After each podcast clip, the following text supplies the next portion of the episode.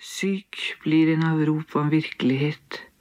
Altfor nær var jeg tingene, slik at jeg brant meg gjennom, og står på den andre siden av dem, der lyset ikke er skilt fra mørket, der ingen grenser er satt, bare en stillhet som kaster meg ut i universet av ensomhet og av uhelbredelig ensomhet. Se, jeg svaler min hånd i kjølig gress. Det er vel virkelighet. Det er vel virkelighet nok for dine øyne. Men jeg er på den andre siden, hvor gresstrå er kimende klokker av sorg og bitter forventning. Jeg holder et menneskes hånd, ser inn i et menneskes øyne, men jeg er på den andre siden, der mennesket er en tåke av ensomhet og angst, og om jeg var en sten som kunne rommet denne tomhetens tyngde, om jeg var en stjerne som kunne drikke denne tomhetens smerte, men jeg er et menneske kastet ut i grenselandet, og stillheten hører jeg bruse, stillheten hører jeg rope fra dypere verdener enn denne. Og eh, Hofmo er eh, uten tvil eh, en av våre største poeter. Det går ikke an å hevde at hun er glemt på noe slags vis. Tvert imot så er hun en av, en av få i sin generasjon som, eh, som fremdeles blir eh, lest. Som fremdeles blir eh, diskutert. hun er en poet som i hvert fall jeg har inntrykk av at de aller fleste møter i skolegangen sin. Og i motsetning kanskje til mange som en møter i skolegangen, så, så, er det en poet som de som interesserer seg for litteratur, ofte tar opp seinere òg, på et eller annet tidspunkt. Altså Hun tilhører helt klart eh, den norske kanon, kan en si. Men som alle veletablerte forfatterskap, så kommer òg lesningen eh, av Hofmo med noen Eh, kall de typiske eller kall de veletablerte tolkningsrammer. Eh, og Det gjelder òg Gunvor Hofmo. Hofmo er kanskje på mange måter blitt en slags eh, krigserfaringens poet i Norge. Og De siste årene kan en enda mer spesifikt kanskje si at hun er et slags holocaust-traumepoet. Et slags eh, tidsvitne. Og selv om dette er helt klart eh, meningsfulle rammer å diskutere Hofmo sin poesi i, eh, så er det ikke nødvendigvis eh, de eneste. Andre rammer kan åpne opp eh, andre tolkninger. Eh, flytte interessen mot andre dikt, kanskje andre aspekter med hennes eh, forfatterskap. Jeg har for tenkt at de rammene som så tydelig fins rundt Hofmo nå, altså denne holocaust, eh, krigserfaringspoeten, det, det har òg en tendens til å, til å, helt tydelig plassere Hofmo eh, utenfor stoffet hun skriver om. Hun er en eh, observerende eh, poet eh, som, som, absolutt er altså, til stede eh, følelsesmessig eh, og intellektuelt, men, men, men tilbaketrukket likevel. Passiv. Eh, men det som eh, Kaja Skjerven Målerin har gjort i, i, boka, eller fragmentet, har du kalt det, eh, 'Verden og buksene', det det å løfte fram eh, andre, et, et, annet aspekt ved Hofmos eh, liv, eh, hennes liv som lesbisk, og, og i, i, med det blikket så, så trer hun òg inn som en mer aktiv eh, skikkelse på et eller annet vis. Mer, eh, eh, hun står ikke lenger bare utenfor og observerer, men er òg en del tar del i det hun skriver om på en annen måte. Jeg tenkte jeg i hvert fall når jeg leste det, at det var et slags skifte i, i, i hvordan jeg tenkte om Hofmo. Og Kaja hun er med oss her i kveld for å diskutere eh, denne boka her og dette perspektivet etter hvert. Og så skal vi òg eh, snakke litt generelt om, om, om Hofmo, hvem hun er og hva hun har betydd. Så gi en varm applaus til Kaja Skjerven Målerin.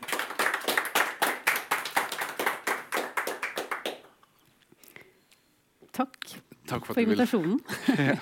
Takk for at du ville komme. Eh, vi kan, eh, kanskje, vi kan kanskje, vi skal begynne med deg, egentlig. Eh, din fascinasjon på Hofmo, hvis, som du åpenbart har. når du, hvor, hvor, begynner det? Er, det? er, du en av disse som, som leser for tidlig, og som har vært fascinert over hele veien? eller?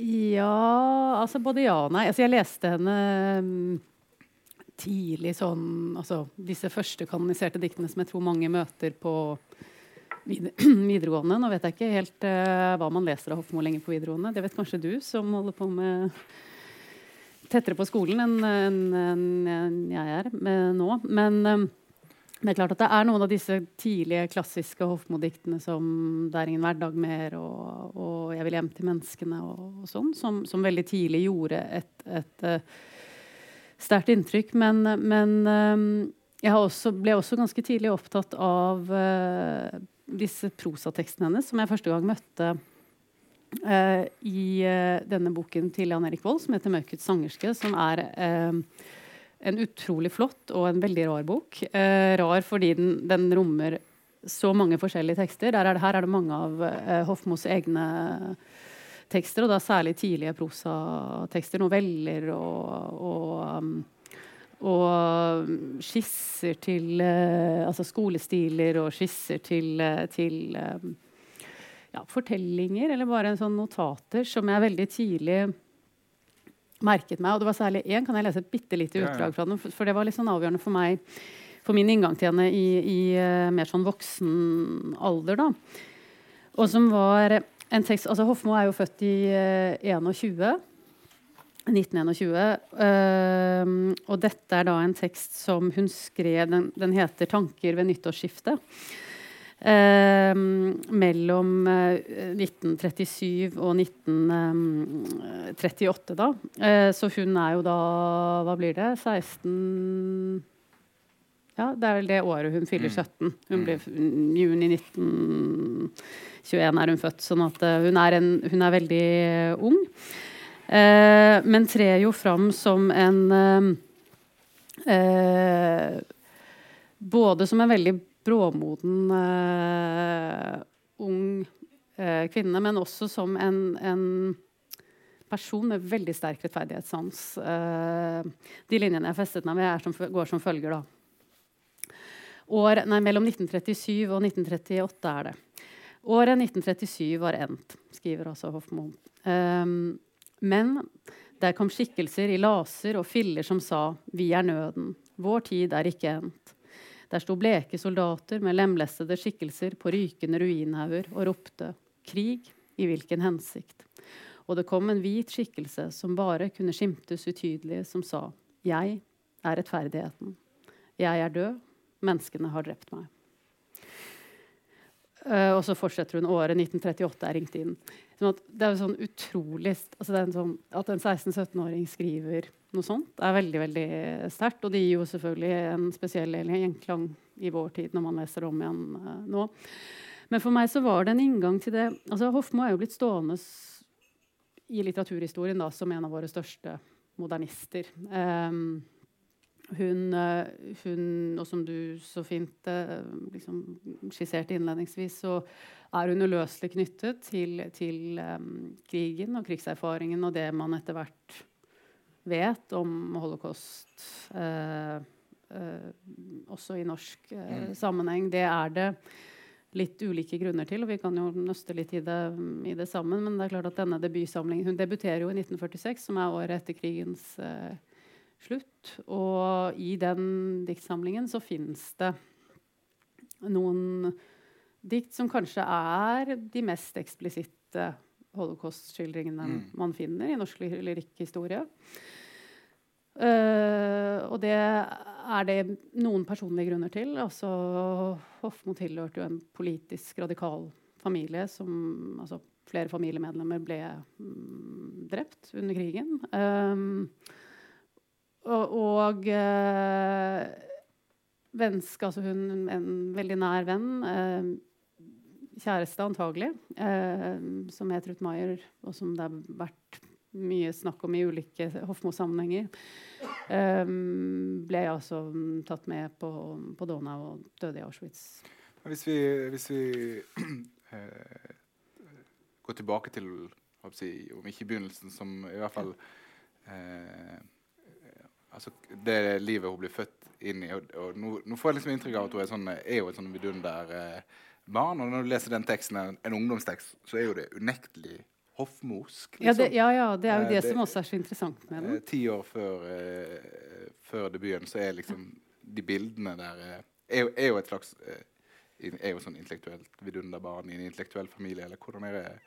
Hva vet vi om eh? Ja, altså hun, hun, hun, er jo først og fremst født i en politisk radikal familie, ikke nødvendigvis så intellektuell familie. Hun Oppvokst på Oslos østkant i Iladalen, som er da altså rett på faktisk vestsiden av Akerselva, da, som er den liksom, tradisjonelle grenselinja i Oslo mellom øst og, øst og vest, men akkurat sånn like, like ved, rett overfor Alexander Kiellands plass. Um, og, og, oppvokst i en familie hvor de hadde kommuniststjernen uh, på juletreet uh, hver jul. Og, og um, så det er klart at akkurat det der med Den politiske bevisstheten får hun jo veldig tidlig inn. Men det er jo først og fremst det hun får inn. da, Men det man merker når man leser de tidlige tekstene, de, skolestilen og sånn, er jo sånn utrolig det er det at hun har en stemme. Mm. Uh, altså ikke noe, altså Hvor flink det er, og hvilken karakter hun fikk, og sånn, det, det, er kanskje ikke det, det, viktige. Men det er det der at hun, at hun har en stemme, og at man fornemmer veldig tydelig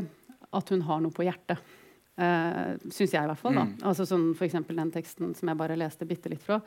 Altså Det er det der å sant, Opptrappingen til en ny krig som du ennå ikke vet skal bli en krig, eller, og som blir så katastrofal for Hofmo, så bestemmende for, for mm. hele hennes det som skal bli hennes liv. Og det er det litt uh, Særlig denne historien med Ruth Maier som, som, blir utrolig vanskelig for henne å, å bære av ulike grunner. Så vi, vi, vi skal, tror vi må veldig snart gå inn på Ruth Maier, men før vi altså Jeg syns det er litt interessant når du, du skisserer nå. Tenker du at det, altså, den Hofmo som er før krigen, som, som, er politisk bevisst, og som skriver prosa.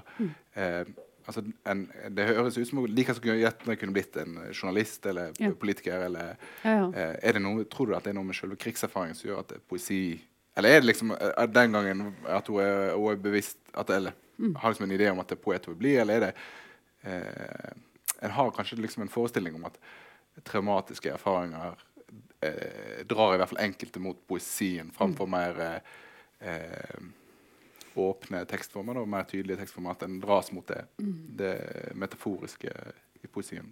Ja, det er et godt spørsmål. Uh, det som i hvert fall er sikkert, er at en del av de, altså de Hofmos, man skulle, Når man leser Hofmo, når man hører henne, sånn som vi hørte i det utrolig sterke diktet om den slående stemmen og så skulle man ikke tro at de som var hennes store poetiske ledestjerner, det er, det er som Rudolf Nilsen, Arnolf Øverland, Nordahl Grieg, altså mellomkrigstidens store politisk engasjerte eh, poeter som ikke holder på med den type bilder som Hofmo, mm. som, ble, som, som, ettertiden kjenner som, som hoffmoske. da.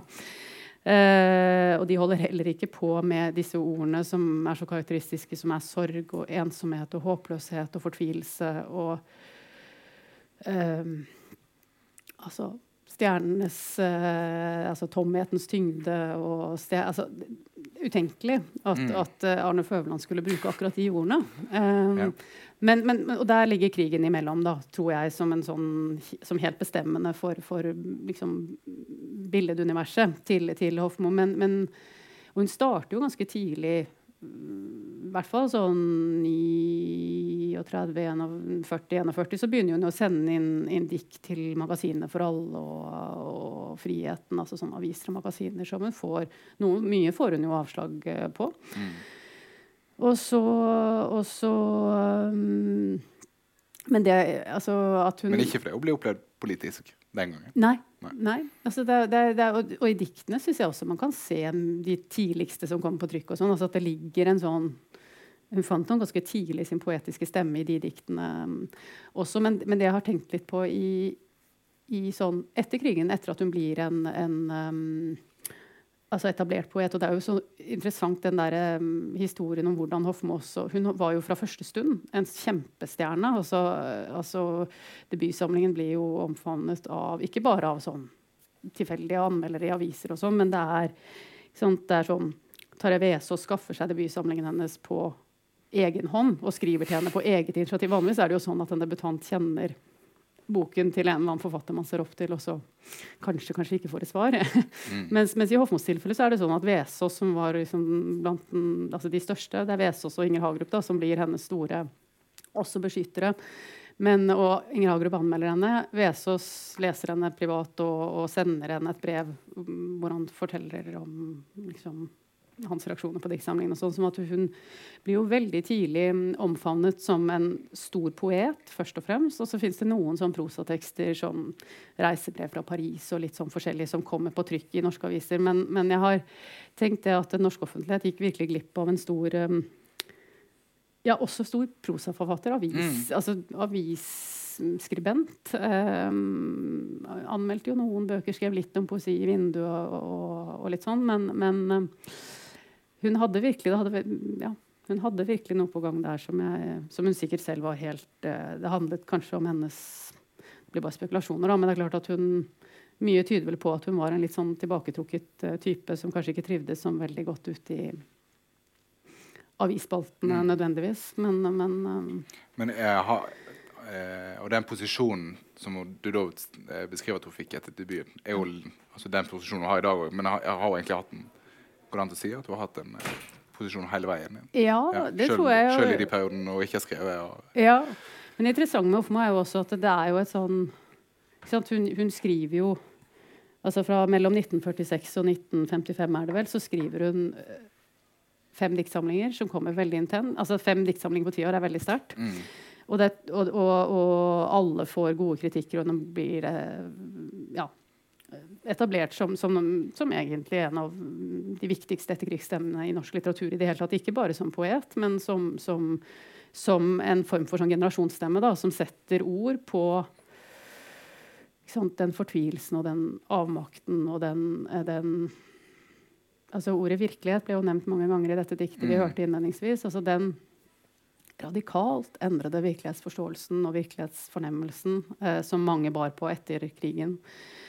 Og, og det fins jo en så sterk vilje i Ofmos dikt til å liksom forholde seg til lidelsen. Altså til å, til å, reflektere over sitt eget forhold til lidelsen og til å stille et spørsmål som hun aldri stiller eksplisitt, men som i hvert fall jeg hele tiden syns ligger litt sånn mellom linjene. Altså, som er altså hvor stort skal til enhver tid eh, liksom fellesskapet den enkelte regner seg som en del av og ansvarlig for, være.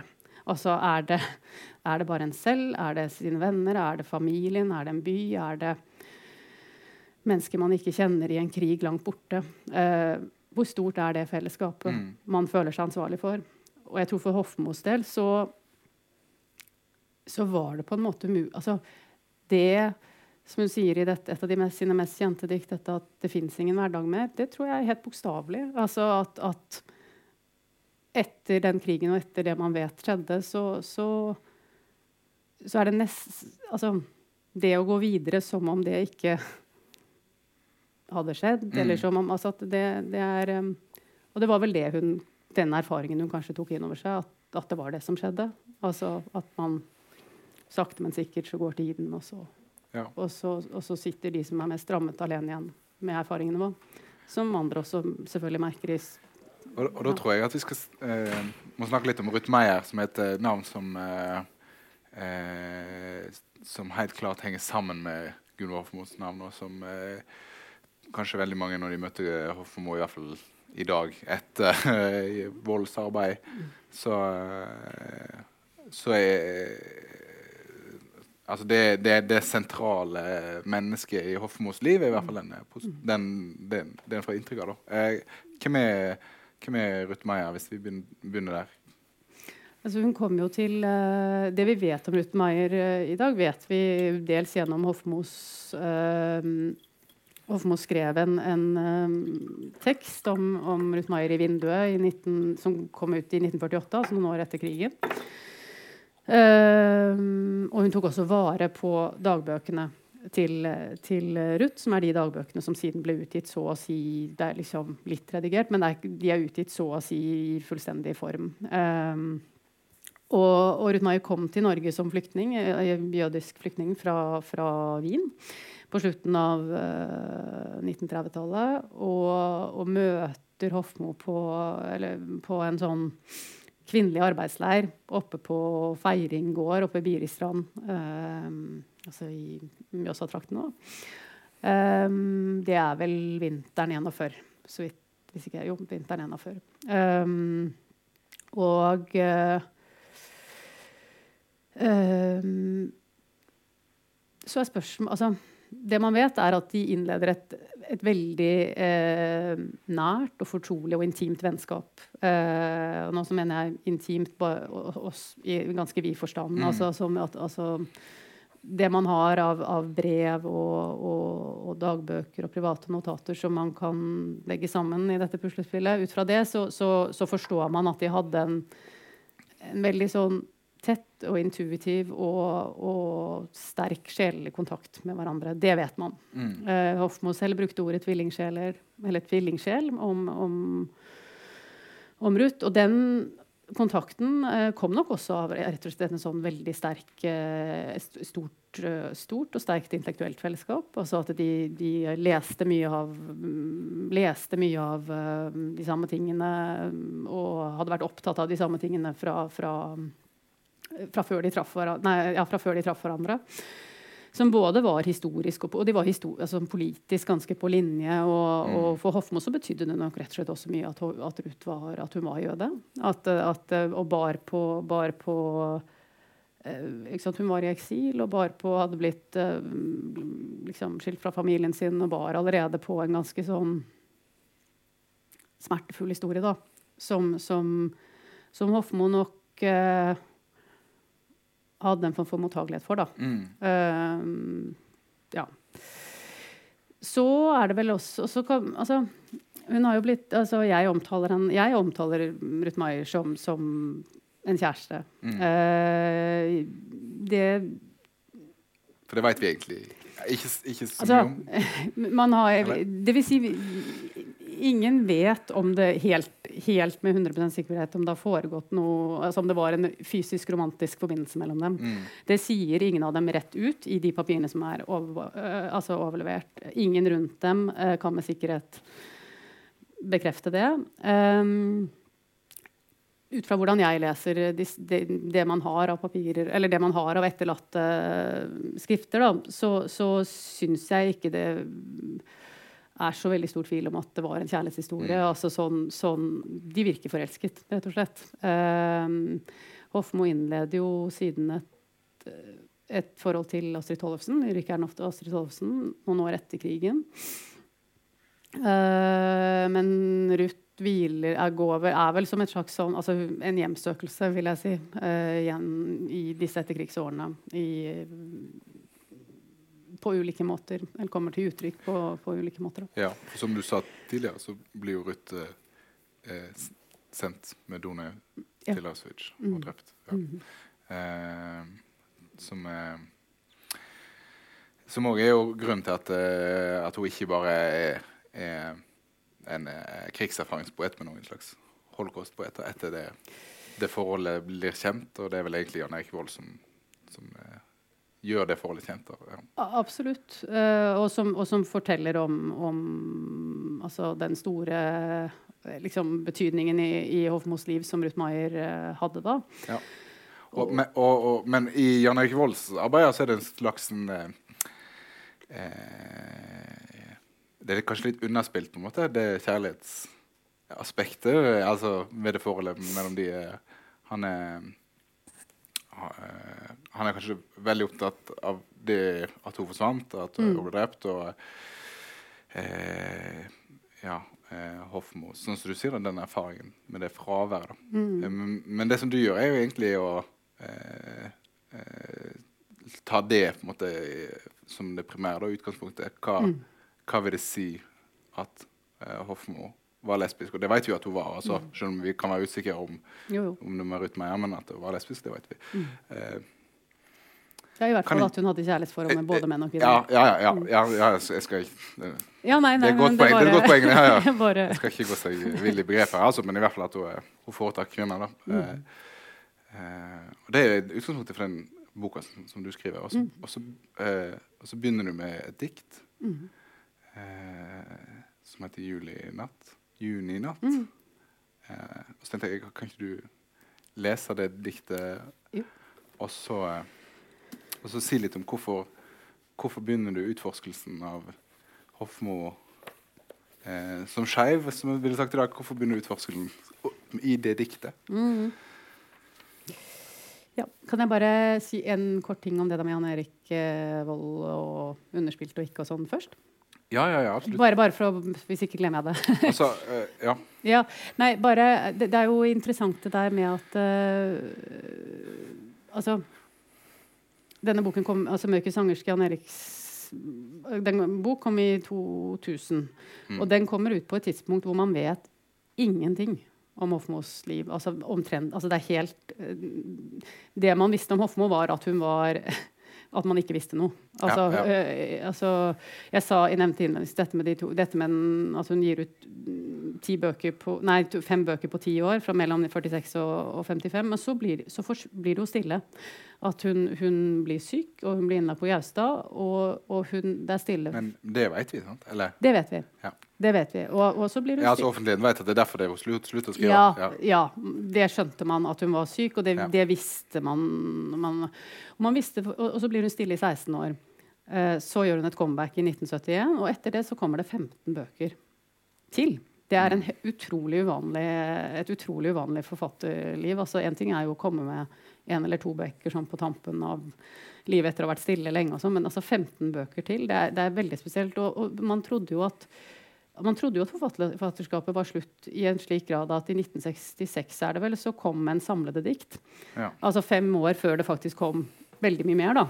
Så man trodde jo på den tiden at forfatterskapet var slutt. Og, men alt dette for å si bare at eh, jeg, Vold har jo fått litt kritikk av, av enkelte for at dette aspektet, eh, altså kjærlighetsliv og sånn, kanskje er litt underspilt. Eh, jeg syns ikke det, da, at, at det er det i hans bok. Jeg syns han, han legger det helt åpent. At, eh, at eh, det var Han kaller riktignok ikke Maja for en kjæreste, men, men, men han omtaler historien om Astrid Tollefsen, som jo er, også er en veldig spesiell historie som vi kan altså I hvert fall på den måten at ja, det er mye dramatikk, da. Men, men jeg syns ikke han underspiller det. Jeg syns han legger det fram, og så, og så gjør han det åpent for andre å utforske det videre. Som var litt sånn den tråden jeg plukket opp. da. Men det er vel, ja, det er vel kanskje nettopp det. da, sant? Det er når, eh, når hele historien kommer, så er det, så er det ikke det, det kunne kanskje vært dette som hadde festa seg, men det blir den eh, holocaust-biten som kanskje fester seg mest. eh, at, Ja da, det, at det er mer tilfeldig enn altså, det, er ikke, det- er ikke noe eh, program fra Vold sin side. at det- Absolutt ikke. Og det var ikke meningen Nei, nei, nei, nei, jeg opplevde det ikke sånn. Men det var mer at, det var mer at Jeg tror jo også at Nei, men dette har jo vært en diskusjon, så det er, Ja. er bare helt betimelig at du spør. Men jeg, jeg tror nok også det kan være en sånn generasjonsforskjell. Sant? Altså at han er tettere på mm, tettere, var, på det tidspunktet også veldig tett på familien. Altså, mm, liksom, man vet ikke helt hva som altså hvor mye, hva det er greit at man legger vekt på, på hvilken måte. Altså, her kan det være mange ting da, på, på spill, men jeg, men jeg opplever ikke at det er et fortiet eller sånn underkommunisert Han dveler ikke ved det. det, det, det dette aspektet ved Hofmos liv i, i, i den boken, men det oppfatter jeg at det er like mye fordi at liksom, det er så veldig mye som skal fortelles. da. Mm. Så um, Altså, ja, det er jo ingen andre poeter i Norge Nå skal, vi- skal vi snart gå videre, altså, Ja. men det er jo ingen andre poeter i Norge som har en sånn bok. Altså, det er jo helt unikt. Altså, det, Ja, nei, det er jo er veldig det er, ja, nei, det er det er en en- gave da, til, til forfatterskapet. Ja. Ja, og det er klart at det viser jo også litt om, om Sier kanskje også noe om liksom verdien av å kjenne til et liv når man leser et forfatterskap. Ja. Det kan vi jo komme litt inn på videre. Men ok, det en dikt jeg fest, åpner boken med, da, og som jeg festet meg litt ved, var uh, et dikt som heter 'Juninatt', og som står i den boken som heter 'Hva fanger natten'. Um, som eh, kom på 70-tallet. Det går, det går slik. Juninatt. Som en dam med grønske over står nattens bleke himmel. Syrinene anger vått. Et jernbanespor fortaper seg i svingen langt borte. forbi noen grå hus. Og natten stirrer vidåpent bak bjerkenes blader, bak gressets stolte hærer, tett i tett som de gamle jøder mot filistrene. En tom barnevogn står ved en vegg og spør ikke etter barnet, men vil legge nattens nyfødte klarsyn i den. Det er veldig fint. Ja, det er ja, gåtefullt. Det er gåtefullt, ja. Mm. Det, Så mange av Hofmos dikt. ja. Og det er veldig Hofmosk, både med trikksporet som går seg vill, og Ja. Eller togskinn er det kanskje. ja. Ja. Men eh, hva, er- hva, er det med, hva er det med det diktet som, som, som slår deg, og som jeg, jeg i hvert fall eh, tenker at eh, er starten på, ja. på dette prosjektet Mm. for deg? Kan du si noe om det? Altså det, slo, det bildet som slo meg veldig sterkt eh, Ofte er det jo litt sånn når man leser, særlig når man leser i en sånn samlede dikt hvor det er så enormt mange dikt, at det liksom blar litt i en bok og så litt sånn fram og tilbake. Og, men, men, men det slo meg veldig sterkt, dette bildet som kommer mot slutten av diktet, eh, med den tomme barnevognen. Altså Det er et sånt bilde som eh, Det setter i gang veldig mange tanker, da. Altså Hvorfor er den tom? Hvor er barnet? Eh, hva er der istedenfor? Eh, hvem ser dette? Hvor er vognen? Altså Det var akkurat som det Det er jo på en måte en sånn alminnelig observasjon, fordi vi ser jo altså Tomme barnevogner ser vi jo hver dag. Mm. Samtidig som at dette hadde en sånn Det hadde noe litt sånn uhyggelig ved seg, altså for meg, da. Da jeg leste at det akkurat som det var noe sånn det der hjemlige med barnevogn og samtidig helt sånn, litt sånn uhjemlige, at barna var borte. Og, og det er jo noe med Det er jo mye som er borte i Hofmos forfatterskap. Nå tenker jeg som bilde. Altså fraværet. Eh, fravær, tomhet. Eh, noe som skulle vært der, som ikke er der lenger. Altså, og så er det jo også et dikt som dette med jernbanesporene, gresset står som en hær, de gamle jøder Det er noen sånne ord i det diktet som, som ikke må, men som for meg liksom brakte meg litt sånn inn på Jeg begynte å tenke på den Ruth Maier-historien, da. Mm. Altså eh, Som eh, ble katastrofal for Hofmo. Så kan man diskutere hvor katastrofal den ble. Det er klart at den var Det er en veldig Jeg har litt lyst til å si det også at, at ehm, jeg tror noe av grunnen til at den så, ble så uhåndterlig for henne, som det virker som den blir, har å gjøre med at, at um, det er noe veldig sånn uavklart i den historien. Det ene er jo at, at, um, at som gjaldt uh, alle jødene som ble tatt uh, under den politiaksjonen og, og fraktet til Donau, at, at det skjer ehm, altså at de blir revet bort fra seg og sine, felles, fra sine fellesskap. eh, og et, et fravær som kommer veldig brått. Eh, men det andre er at, at mellom er helt tydelig at Hofmo har båret på mye skyldfølelse overfor, overfor Utmaier. Eh, fordi at det var lenge snakk om at de, de blir jo veldig fort veldig nære venner. Eh, og det var snakk om at de skulle snakk om at de skulle rømme til Sverige sammen. fordi at de skjønte jo at Ruth var i fare mm, sånn, ut fra hvordan, eh, hva som skjedde med jødene i Europa. Eh, men eh, de, de kommer seg aldri av gårde til Sverige. Og det handler litt om moren. Selv moren til Hofmo er veldig, altså var ganske dårlig. Men også fordi at det er en annen som, som, som jeg tror Ruth, så vidt jeg skjønner, noe Ruth aldri fikk vite, nemlig at, at For Hofmo blir på et tidspunkt arrestert fordi hun eh, eh, protesterer mot eh, eh, mot eh, altså nazisympatisører og, og et Quisling-møte osv. Så, så blir hun på et tidspunkt eh, arrestert og, og løslatt etter noen dager.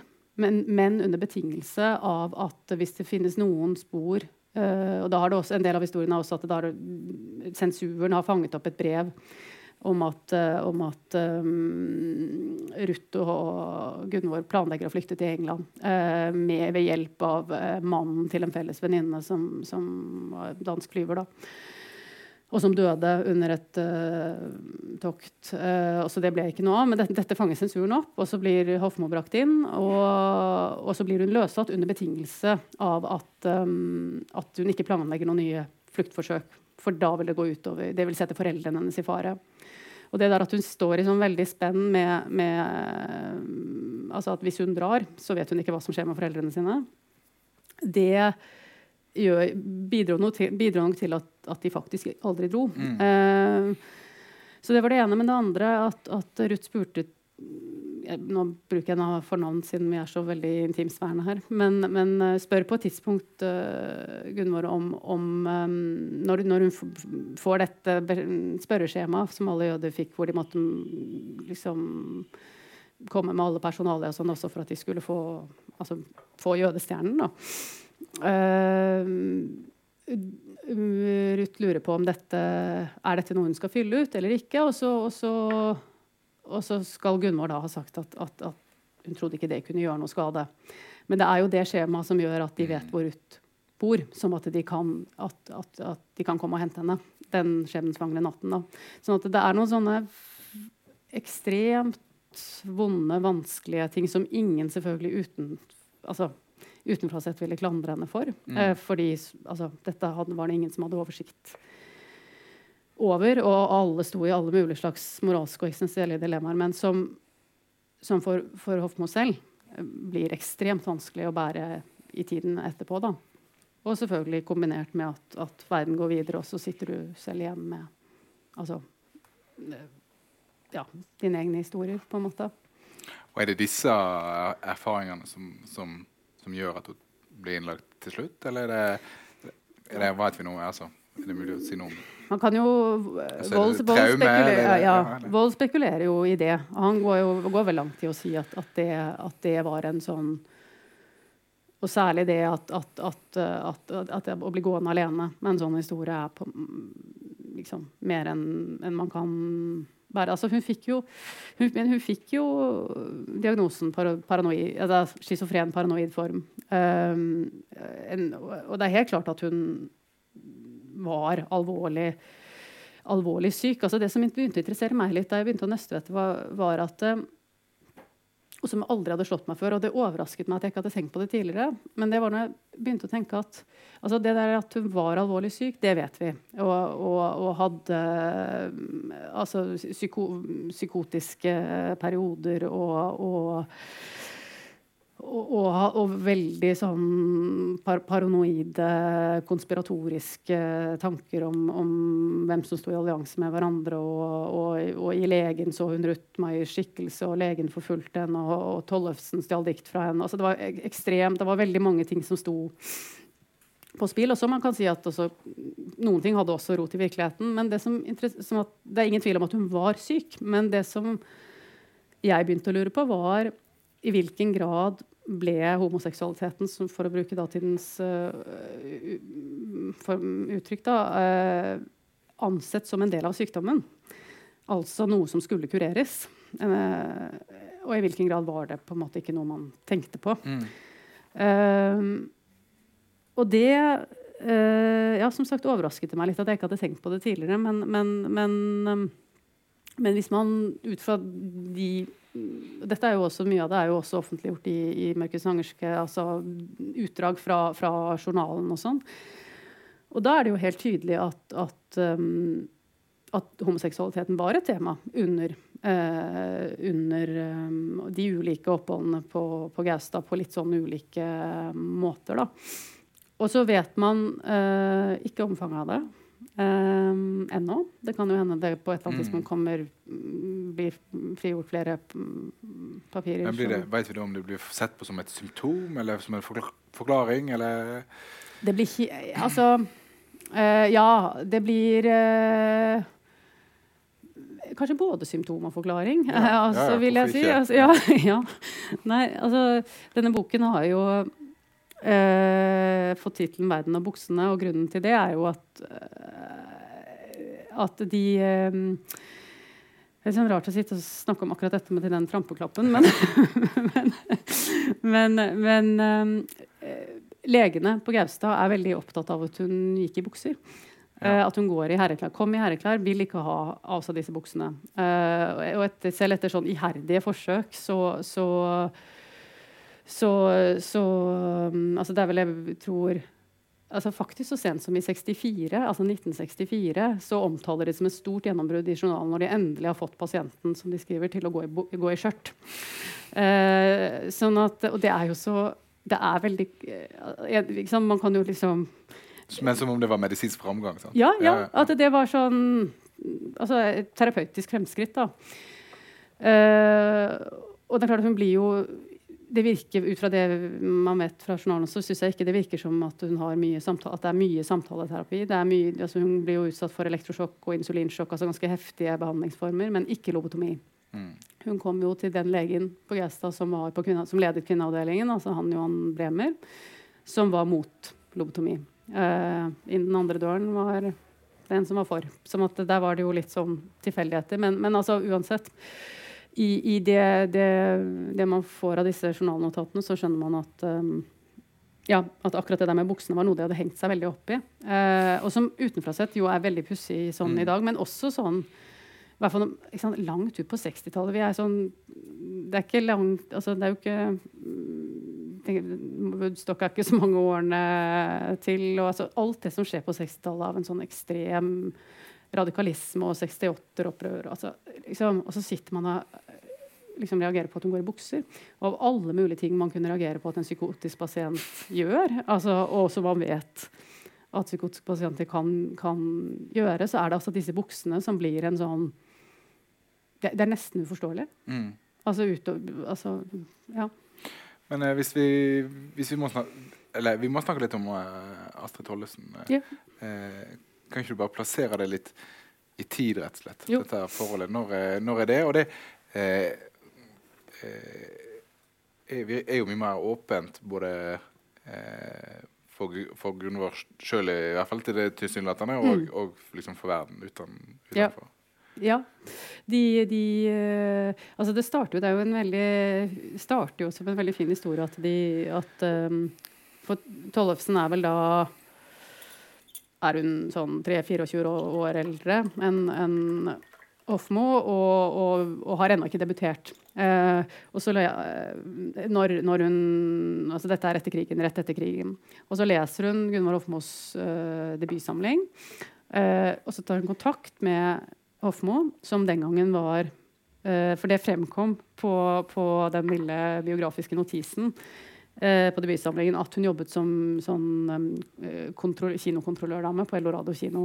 Mm. Eh, når Tollefsen dro til Eldorado kino, eh, får tak i Hofmo og spør om hun kan hjelpe henne med å komme i havn med det som skulle bli Hofmos, nei, Tollefsens debutsamling, eh, 'Portrett i speil', heter den vel, som kom i året etter, da, i 47. Eh, og den er også tilegnet Gunvor Hofmo, uh, den boken. Hofmo, uh, Først så er hun jo en form altså Akkurat hvordan dette romantiske forholdet starter, det vet man ikke. Men, men, men, men hun var i hvert fall først en form for slags sånn fødselshjelper da, med, den, altså med Tollefsens debut. Og Tollefsen får jo en Eh, ganske viktig plass i, i norsk etterkrigslyrikk. Hun blir jo løftet i, sånn, i, i avisomtalene fra den tiden, og sånn, så blir, nevnes hun jo i samme åndedrag uh, som, som, Hofmo og Moren Vesaas og mm. uh, Hjertnes Andersen og, og, sånn. Som at um, hun, hun um, men, men, men, dem imellom så blir det etter hvert et veldig vanskelig eh, forhold. Og noe av grunnen til det, sett fra Hofmos eh, sted, er at, uh, at hun, hun, mener at, at Tollefsen liksom er for uselvstendig. da, At hun liksom, stjeler linjer og trenger for mye hjelp. og altså sånn til mm men, men, eh, og det eskalerer i en form for sånn paranoid eh, Veldig paranoid og, og mm, forestilling, da, med, med dobbeltgjenger og føler seg forfulgt. Og de flytter jo etter hvert ned til eh, Staubø, rett under Tvedestrand, hvor de holder til eh, i et hus som ligger utrolig flott til, ikke rett ved sjøen, hvor, og hvor mange, mange, av særlig de diktene som etter hvert ender opp i den i en våkenatt, som kom i 54, vel, de ble, skrevet, eh, de ble skrevet der, da. Uh, men det er også den våren som er våren 1953, som blir den liksom, altså en sånn ja, var seks, syv, åtte år etter at de først møttes, så blir virkelig sånn kjempe uh, det, det, blir en veldig dramatisk konflikt mm. som utspiller seg, som ender med at Tollefsen drar, og at Hofmo har en sånn veldig intens skriveraptus, uh, og så blir hun innlagt. Så, så er jo egentlig eller Veldig ofte så blir eh, så er rammen for fortellingen om Hofmo et slags egentlig, egentlig, en slags lykkelig fortelling. fordi at uh, hun, altså, hun, har alle disse traumene, mm.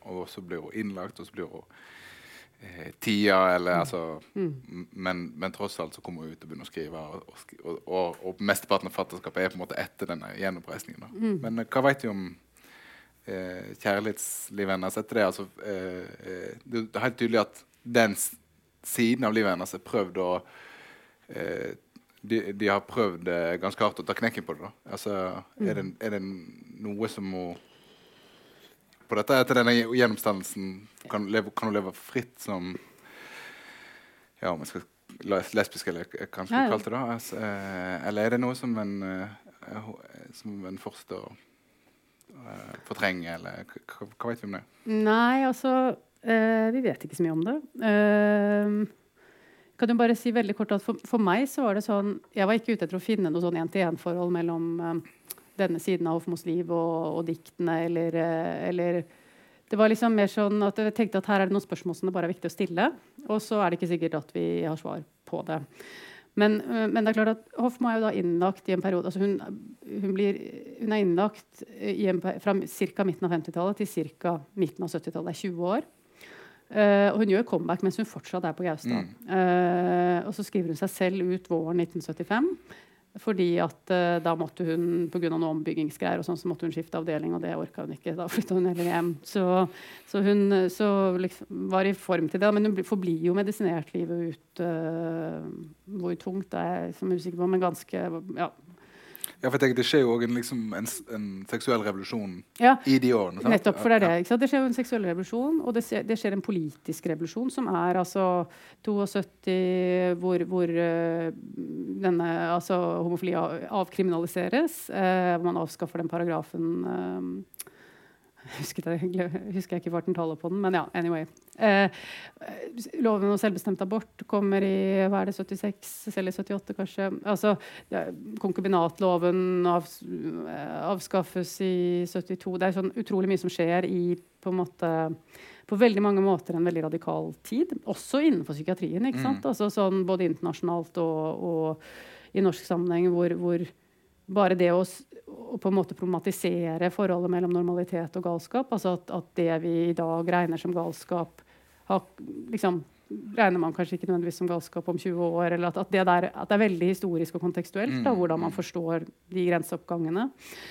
Og, men, men, det er jo litt sånn da, at selv om liksom sånn veldig radikale strømninger i kulturen uh, Det er jo ingen tvil om at, at det å altså at det skapte et større rom da, for, for, for å tenke rundt uh, hva et godt liv er, hva slags ønske man kan ha for sitt eget liv. At det kan variere. Den store variasjonen da, i de ønskene.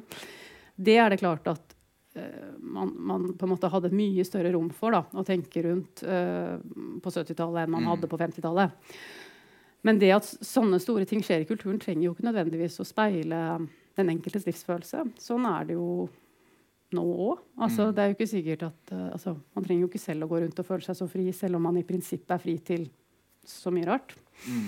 Um, sånn at når det gjelder Hofmo, så fortsatte jo hun altså Det ene er jo at hun jo, gjør jo da dette store comebacket i 71. Da er hun fortsatt på Gaustad. Hun forblir på Gaustad i fire år til. Uh, så flytter hun hjem til morens leilighet oppå Ekeberg. Uh, og, og, der mm, blir hun. Aldri ute på noen litterære ting. Aldri liksom lar seg omtrent ikke intervjue. Altså, hun lever et veldig tilbaketrukket uh, liv um, med familie, da. Altså, mm. mm. som, som, kommer på besøk, og som hun har kontakt med. Mm. Uh, og som fortsatt Det fins jo mm, folk i dag som, som Altså hoffmor. Ja. som, som, som husker henne og har vært på besøk hos henne. og sånn. Uh, sånn at, eh, men, men, men utover det så, så er det jo ikke noe som tyder på at hun hadde, altså, hadde tett kontakt med noen. Nei. Det er noe som forblir uforløst på et eller annet vis. da. Du sa, du sa i sted eh, Nå er du veldig, sånn- jeg synes du er veldig påpasselig å si at en tolker ikke sånn, og det er ikke én til én. Men du, du sa noe om at det er verdi, det er verdi å kjenne et liv. Da. Eh, Og da tenker jeg Ja. Om du kunne helt avslutningsvis si noe om det, er verdien av å kjenne eh, Hofmos liv, og, og, liksom dette aspektet Mm. med, med Hofmos eh, liv. Mm. Ja. Mm. Jeg tror jeg tenkte såpass litt sånn åpen om det. Jeg tenkte på det nå det, i det der juninattdiktet, men også da det der um, første diktet fra en annen virkelighet, som, som uh, du spilte av innledningsvis.